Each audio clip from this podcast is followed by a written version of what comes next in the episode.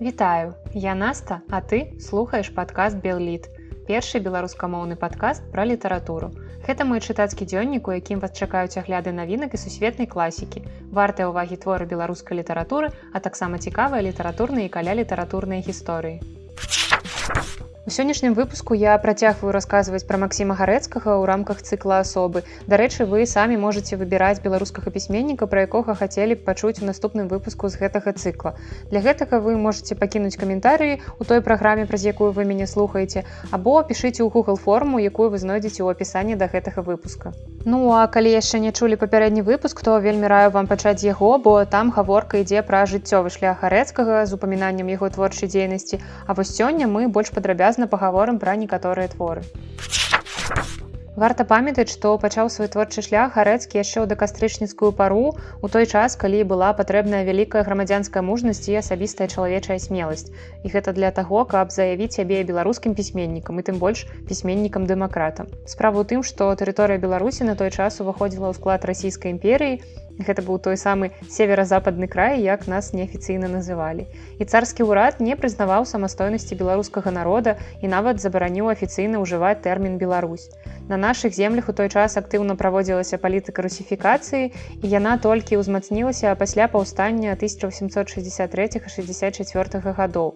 Царызм жорстка спыняў усе ўспышкі народнага гневу і рабіў усё магчымае, каб народ назаўсёды выкінуў з галавы гэтыя шкодныя думкі пра нейкую там міфічную свабоду. І ў той час нават у імкненні пісаць па-беларуску царскія цэнзары бачылі антыўрадавыя намеры такі экскурс у гісторыю каб вы ўяўлялі у якіх умовах беларускія літаратары пачыналі новае два стагоддзя але ўсё гэта не стала перашкодай для беларускага нацыянальнага руху. І як я ўжо казала у мінулым выпуску, пачаў творчую дзейнасць гарэцкі на старонках газеты наша ніва. Там друкаваліся ягоныя невялікія творы, нататкі розныя фільетоны. Ён пісаў пад псеўданімамі МБ, беларус, М беларус і Масім беларус. І першая нататка такога кшталту з'явілася ў газеце 26 верасня 1912 года. А першае ўжо мастацкае апавяданне гарэцкага, якое называлася ў лазні, было змешчана ў нашай ніве 25 студзеня 1913 года пад псеўданімам Масім беларус беларус. І потым на старонках газеты з'яўляліся ўсё новыя новыя апавяданні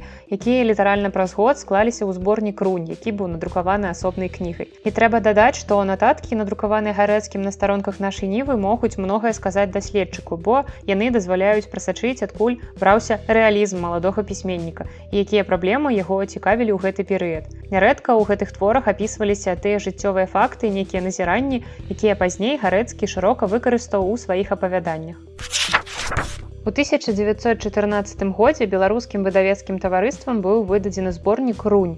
Там аўтар упершыню падпісаўся ўласным прозвішчам Масім гарэцкі зборнік рунь складаецца з 10 апавяданняў. І гэты зборнік это адзіная кніга гарэцкага якая выйшла ў дарэвалюцыйныя гады. У яго ўвайшлі мастацкія творы аўтара як я ўжо казала якія друкаваліся на старонках нашай нівы а таксама некаторыя новыя апавяданні. У папярэднім выпуску я казала што пасля расстрэлу ў 1938 годзе імя гарэцкага на доўгія гады выкраслілі з гісторыі беларускай літаратуры ён быў рэабілітаваны толькі ў 1957 годзе а праз 11 гадоў 1960 1978 годзе даследчык Дмітрый Бугаёў выдаў асобнай кнігай першая пасля часу замоўчвання даследавання творчасці гарэцкага. Кніга была перавыдадзеная ў 2003 годзе і адам спасылку на яе ў апісанні. Вядома ж у кнізе Бугаёва ўспамінаецца і вышэй названы зборнік рунь і Бугаёў так пісаў пра назву зборніка. Гэта алегарычнае ўвасабленне разбуджаных новым часам маладых здаровых сіл беларускага народа, якія павінны здабыць яму вызваленне. Гэта сінонім маладой беларусі. Зборнік і адкрываецца аднайменным апавяданнем рунь. І ў пачатку апавядання гарэцкі нам паведамляе што піша пра тое што сапраўды было гэта не нейкая мастацкая выдумка Ён нам расказвае пра свайго знаёмага ўладзіміра і дзяўчыну ядзю. Ядзя яна перадавая дзяўчына, яна зрабілася свядомай беларускай і разгневала гэтым мачыху і бацьку. І яе сілком хацелі аддаць замуж за памешчыка, але дзяўчына пакахала ўладзіміра, які таксама вось з гэтых новых перадавых людзей. Ён зазнаў беднасці галечу, але пры гэтым ён адчувае сябе сынам свайго народа і збіраецца працаваць дзеля карысці гэтага народа. І ў лістах да ўладзіміра ядзя піша: Але нічога ўладзе, не тужы. Мы рунь, якая прабіваецца страшэннымі дажджамі і халадамі, але мы яшчэ некалі як спелыя каласы на добрай ніве закрасуем народнай зямлі нашай. Але владимир разгублены ён не бачыць дзеля чаго варта жыць і нават думае пра самагубства. Але яго разгубленасць яна абумоўлена вельмі важнымі прычынамі бо ў яго былі пэўныя дзіцячыя траўмы а таксама ранняе сяродства і ўсё гэта пакінула свой след у душы юнака І аўтар нам паказвае, з якімі пакутамі прабівала сабе дарогу да мэты рунь маладой Беларусі, якая хацела змагацца за лепшую долю працоўнага чалавека і каваць шчасце свайго народа. Апавяданне складаецца з дзвюх частак. Першая гэта словы аўтара пра ядзію Владзіміра, а другая гэта вытрымкі з дзённіка Владзіміра і лістоў. Нам невядома, як склаўся лёс абодвух герояў, але ў канцы твора аўтар спадзяецца, што яны жывыя і куюць долю новага чалавека ў Амерыцы ці ў Аўстраліі. Але гэта вельмі па-беларуску клапаціцца пра сваю краіну за яе межамі. І ўсе гэтыя пікеты за свабодныя выбары ў прыгожых еўрапейскіх гарадах. плакаты, маўляў, хопіць баяцца на фоне эйфелевай вежы. Але ж гарэцкі быў не супраць, каб людзі з'язджалі з Беларусі, калі яны там сапраўды змогуць сябе рэалізаваць і выкарыстаць увесь свой патэнцыял. І магчыма, сапраўды лепш вольны чалавек у чужой краіне, чым зацюканы на радзіме. Значнае месца ў творчасці гарэцкага займае праблема ўзаемаадносін інтэлігенцыі і народа. Напрыклад, гэтая тэма ўздымаецца ў такіх апавяданнях, як у лазні, роднае карэнне і ў чым яго крыўда. Яны якраз усе ўваходзяць у зборнік рунь. Увогуле гарэцкі адным з першых у нашай літаратуры загаварыў пра вялікую небяспеку, якую тоіць у сабе хаця б самы мінімальны адрыў маладой беларускай інтэлігенцыі ад роднага карэння. Бо ўся гэта інтэлігенцыя яна пераважна сялянская паводле паходжання. І ў гэтых апавяданнях гарэцкі паказвае, як парушаецца сувязь інтэлігенцыі з роднай хлебай. Ён гэта паказвае праз непаразуменне паміж маладымі хлопцамі, якія выбралі шлях самаразвіцця, яны падаліся ў навуку, выехалі з роднай вёскі, і іх не разумеюць іхнія блізкія. Іх бацькі сваякі аднавяскоўцы яны іх не прымаюць вось гэтага новага чалавека гэтых новых інтэлігентаў. І прадстаўнікі гэтай народнай інтэлігенцыі у творах харэцкага больш за ўсё баяцца запанець і страціць жывую сувязь з роднай зямлёй. Таму яны вельмі чула рэагуюць на ўсякі разлад з родным карэннем Напрыклад, герой апавядання ў лазні Клім Шамоўскі прыехаў родную вёску мардалысава на канікулы. Ён некалькі гадоў пажыў у горадзе і таму ён новымі вачыма пачынае глядзець на сялянскі побыт, які для яго калісьці быў прывычным і абсалютна нармальным. І ён цяпер асабліва востра заўважае вясковую цемру, некультурнасць і нават крыху саромеецца гэтага. І перад новым годам хлопец прыйшоў у лазню і там вельмі неякавата адчуваў сябе ад гэтага бруду вакол і ён не разумеў, як людзі ўвогуле могуць там мыцца. Аднак ён спрабуе не паддавацца адчаю і супакойваў сябе тым, што маўляў, я сам нарадзіўся ў гэтай вёсцы, я нарадзіўся пасярод гэтага бруду. Аднак цяпер ён ужо не лічыць гэтае становішча нармальным, як лічыў раней. І гэты твор гэта крык душы чалавека, які адчуваю, што ён мужыцкі сын і жадае, каб селянін, які цяпер прыдушаны невыноснымі умовамі існавання вызваліўся вось ад гэтай абыякавасці да свайго лёсу і абудзіўся да лепшага чалавечага жыцця каб людзі не проста пражывалі свае жыцці а нейк імкнуліся да чагосьці большага. І ўсе гэтыя памкненні кліма да культуры яны выкліканыя зусім не імкненнем выбіцца ў паны але ён паўсюль чуе пра сябе запанеў. Усе яго народныя блізкія кажуць што вось ён запанеў стаў панам.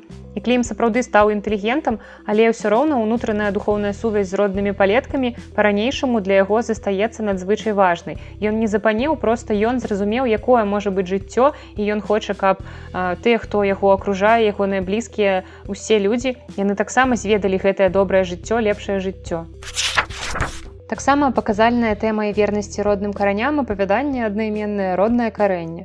Знешняе сюжэт апавядання даволі просты. студэнт медык Архіп Ленкевіч прыязджае ў вёску да бацькоў на летнія канікулы. Ён з'ехаў у горад каб вучыцца і вось на лета ён вярнуўся ў родную вёску і там працуе разам з сялянамі. Ён любуецца мясцовымі краявідамі, ён вельмі задаволены сабой. Ён адчувае, што ягонае цела яно маладое, здаровае і ён адчувае прыемную стомленасць ад цяжкай працы ў канцы дня. І пры гэтым ён ганарыцца сабой за тое, што не парваў духоўную сувязь з роднымі каранямі. І вось зусім усімі гэтымі цудоўнымі адчуваннямі прыемнымі ён вяртаецца назад на вучобу. Увогуле ён вельмі сумленны чалавек і вельмі востра адчувае сацыяльную несправядлівасць. Ён бачыць як цяжка працуюць ягоныя аднавяскоўцы ён спачувае іхняй цяжкай долі і марыць пра тое каб іхняе жыццё неяк аблегчылася ён хоча ім у гэтым дапамагчы. І таксама ён адчувае адказнасць перад народам за захаванне культурнай спадчыны і традыцыі якія вякамі перадавалі ад аднаго пакалення да іншага. А ў вобразе ягонага дзеда Яхіма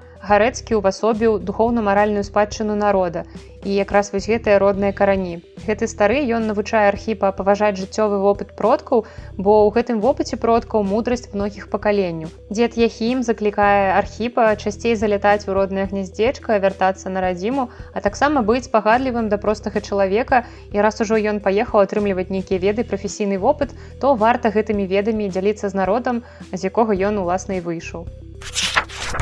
Ну і герой яшчэ аднаго апавядання на гэтую тэму кастусь за рэмба запавядання, у чым яго крыўда, таксама імкнецца захаваць вернасць роднай зямлі. Ён таксама як клім шамоўскі запавядання ў лазні не прымае цемру і забабоннасць, якія пануюць у вёсцы. І ён вельмі не любіць, калі аднавяскоўцы ці нават блізкія на яго глядзяць як на будучага пана і кажуць, што ён запанеў. Як я ўжо казала, гарэцкі ўдзельнічаў у першай сусветнай вайне і суровую праўду пра гэтую вайну ён паказаў у апавяданні літоўскі хутарок, якое напісаў 1915 годзе. Жыхары хутара апынуліся ў пякельным віры вайны і ў творы гэта адчуваецца праз успрыманне персанажу. Яны столькі гадоў сеялі збожжа на сваім полі, яны збіралі ўраджай, а цяпер на гэтым полі замест на паўжыта ляжаць забітыя салдаты. І людзі і насельнікі хутараны ўсё гэта бачаць, все гэта адчуваюць. І гарэцкі апісвае вайну з усёй праўдай, без ніякага рамантызму, гераізму. У творы няма нейкага ўзвышанага пафасу ён не расказвае, як звычайна гэта бывае ў ваенных творах пра тое, што салдаты гэта абаронцы радзімы пра тое які яны мужныя гераічныя. І нічога гэтага ў творы няма. Затое ёсць янчым кунас і ягоная сям'я. І ўсё тое што здарылася з ім і з хутаранамі гаворыць пра тое наколькі чалавек безабаронны перад тварам вайны бо на хутары адбыліся жудасныя падзеі калі туды прыйшлі немцы яны знішчалі ўсё што бачылі яны разбуралі будынкі таксама яны зневажалі людзей. І вось так мясцовыя жыхары сустрэліся з крывавай сутнасцю і жорсткасцю вайны. Зразумела што жыхары гэтага хутара яны клапоцяцца пра свае родныя мясціны, бо гэтае спакойнае жыццё, якое ў іх было раней, яно парушана. І спачатку яны думаюць пра вайну, пра тое, што зараз пачнецца мабілізацыя, а пасля яны ўвогуле адчуваюць, што гэта нешта недарэчнае, што яны прымаюць удзел у нечым страшным, што абсалютна не адпавядае нейкім нормам жыцця. І вайна ніколі не шкадуе мірных жыхароў і пра гэта ведаюць старыя людзі. Таму яны вельмі перажываюць за моладзь і думаюць пра тое як ім абараняцца. І падзеі вайны падаюцца ў гэтым творы праз успрыманне простых людзей Таму што менавіта яны ведаюць цану мірнага жыцця. Яны умеюць спачуваць яны любяць сваё жыццё яны любяць людзей якія вакол іх і яны зусім па-іншаму глядзяць на вайну для іх гэта страшная недарэчнасць і таму ўражанні гэтых людзей яны вельмі яскравыя запамінальныя а таксама што самае важнае яны эмацыянальныя і праўдзі праўдзівыя. Твор пабудаваны на пастаянным чаргаванні ваенных падзей і мірнага жыцця сям'і шымкунаса. Усім зместам гэтага твора гарэцкі як пісьменнік гуманіст ён пратэстуе супраць здзеку з чалавека і сцвярджае агіднасць і абсалютную абсурднасць вайны. І праз успрыманне падзеі янам шымкунасам аўтар перадае чытачу таксама свае адносіны да ўсяго, што здарылася з жыхарамі хутара і з салдатамі. Максім гарэцкі на ўласным вопыце зведаў пекла вайны і таму яго гэта так праўдзіва атрымліваецца апісваць і менавіта з гэтага пекла ён вынес наступны дакументальна-мастацкі твор на імперыялістычнай вайне які з-пад загалоўкам запіскі салдата другой батарэі энскай артылерыйскай брыгады лявона задумы. Дзённікавыя запісы ў творы вядуцца салдатам лявонам задумам але мы ведаем што за гэтым героем стаіць сам Максім гарэцкі. У аснову твору гарэцкі паклаў эпізоды з уласнага ваеннага жыцця. І ўвогуле дзённікі гэта вельмі цікава цікавы своеасаблівы літаратурны жанр, бо ў гэтых творах раскрываецца найперш сам аўтар, яго адносіны да рэчаіснасці і Максім Гарэцкі паказвае ўсю праўду, праўды чалавечых адносінаў, паводзінаў, якой бы непрыгожай і неэстэтычнай гэтая праўда не была. Наступны твор, пра які мы пагаворым, гэта аповесць дзве душы, якая была выдадзена асобным выданнем у 1919 годзе. Сэнс задумы гэтага твора раскрывае сам Максім Гарэцкі ў артыкуле развагі і думкі, які быў напісаны яшчэ ў 1914 годзе. Гарэцкі піша: І тоже беларусы, і млада беларусы, і ўсе яны усе троху многа двудушны і рэдка са ўсім шчыры ў сваіх справах палітычных. Усякая бывае двудушнасць. Грэх і сорам вучыць нас прапісныя маралі быць двудушным. Тым жа самым дакучае нам і пачуццё добра і зла. У каго тое пачуццё ў пашане, той меней двудушны. Двудушнасць ад прыроды ў чалавеку. І бывае адна двудушнасць, калі чалавеку ўжо не стае сіл разумнай волі, чтоб не звудушнічаць, альбо двудушным ён бывае, узіраючы на вымогі вума. Другая двудушнасць, калі чалавек сумысля і ў угоду свайму злому боку не слухаецца голасу добра і забівае ў сабе добрае карэнне, а ўсё дзеля таго, каб Гарэцкі не дапісвае гэтую думку, але яна даволі лёгка прачытваецца, каб атрымаць выхаду для сябе нейкую карысць. І апошні твор, які мы сёння разгледзім, гэта апавяданне рускі. Яно датуецца паводле аўтарскага запісу 1915 годам. Упершыню было апублікавана ў першым нумары часопіса полымя за 1925 год. Даследчыкі мяркуюць, што па першапачатковай задуме гэтае апавяданне павінна было ўвайсці ў мастацка-дакументальную кнігу на імперыялістычнай вайне, пра якую я ўжо казала раней. Аднак яно так і засталося самастойным творам. Перад намі бальнічная палата, у якой ляжыць хворы салдат беларус, якога іншыя людзі ў палаце празвалі рускім. З выгляду ён даволі здаровы мужчына, але мы бачым, што ў ягоных вачах нешта такое, што выдавала, як піша гарэцкі, і цяжкую хваробу і муку і безнадзейнасць. У час зацішку паміж баямі рускі вельмі любіў хадзіць па пустых сялянскіх дварах, шукаючы пажытку. І там ён сустракае іншага салдата. І такім чынам два салдаты дзвюх варожых імперыі расійскай і аўстры-венгерскай сустракаюцца на маленькім кавалачку шматкіламетровага фронту. Яны распіваюць пару глыткоў гарэлкі і гутараць амаль на адной той жа мове. Бо з іх дыалогу вынікае, што адзін селянін з магілёўшчыны, а другі з украінскай часткі тагачаснай Аўстрыі. І гэта не нейкія баявыя дзеянні, яны проста сустрэліся сам нас і маглі б так спакойна разысціся, бо тут ужо не трэба нікому нічога даказваць. Але раптам рускаму нешта бліснула ў галаве, Маўляў, што ён за ваяка такі, калі ён проста так ворага адпускае. Ён павярнуўся і выстраліў аўстрыяка. І той упаў, перавярнуўся і жаласна застагнаў. І калі рускі да яго падбег, то той ужо паміраў, ён раскінуў рукі і ногі і ўспамінаў пра дзяцей і жонку. І на пазіцыі рускаму не паверылі, што ён яго забіў, але пасля гэтай ночы рускі вельмі моцна перамяніўся.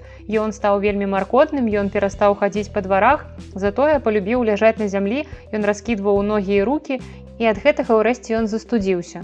У бальніцы адзін з дактароў лічыць што рускі сімулянты ён такім чынам хаваецца ад фронту а другі лекар старанна лечыць яму грудзі. І мало хто зважае на нервы і быццам не чуе што рускі пачынае крычаць часам. Я рускі я рускі рускі А на кінастудыі Беларусьфільм нават быў зняты караткаметражны фільм рускі рэжысёр Віктор Аслюк. Творчасць гарэцкага ўвогуле вельмі разнастайная і ягоныя творы можна абмяркоўваць вельмі доўга і ўсё роўна на іх не хопіць часу. Я спынілася на найбольш вядомых і вельмі спадзяюся, што ў мяне атрымалася хаця б трошкі вас зацікавіць і натхніць на далейшае знаёмства з гэтым класікам беларускай літаратуры. І як заўжды усе цікавыя спасылкі вы знойдзеце ў апісанні да гэтага выпуска. А на гэтым я развітваюся. З вами была Наста і падкаст Белліт. Да сустрэчы.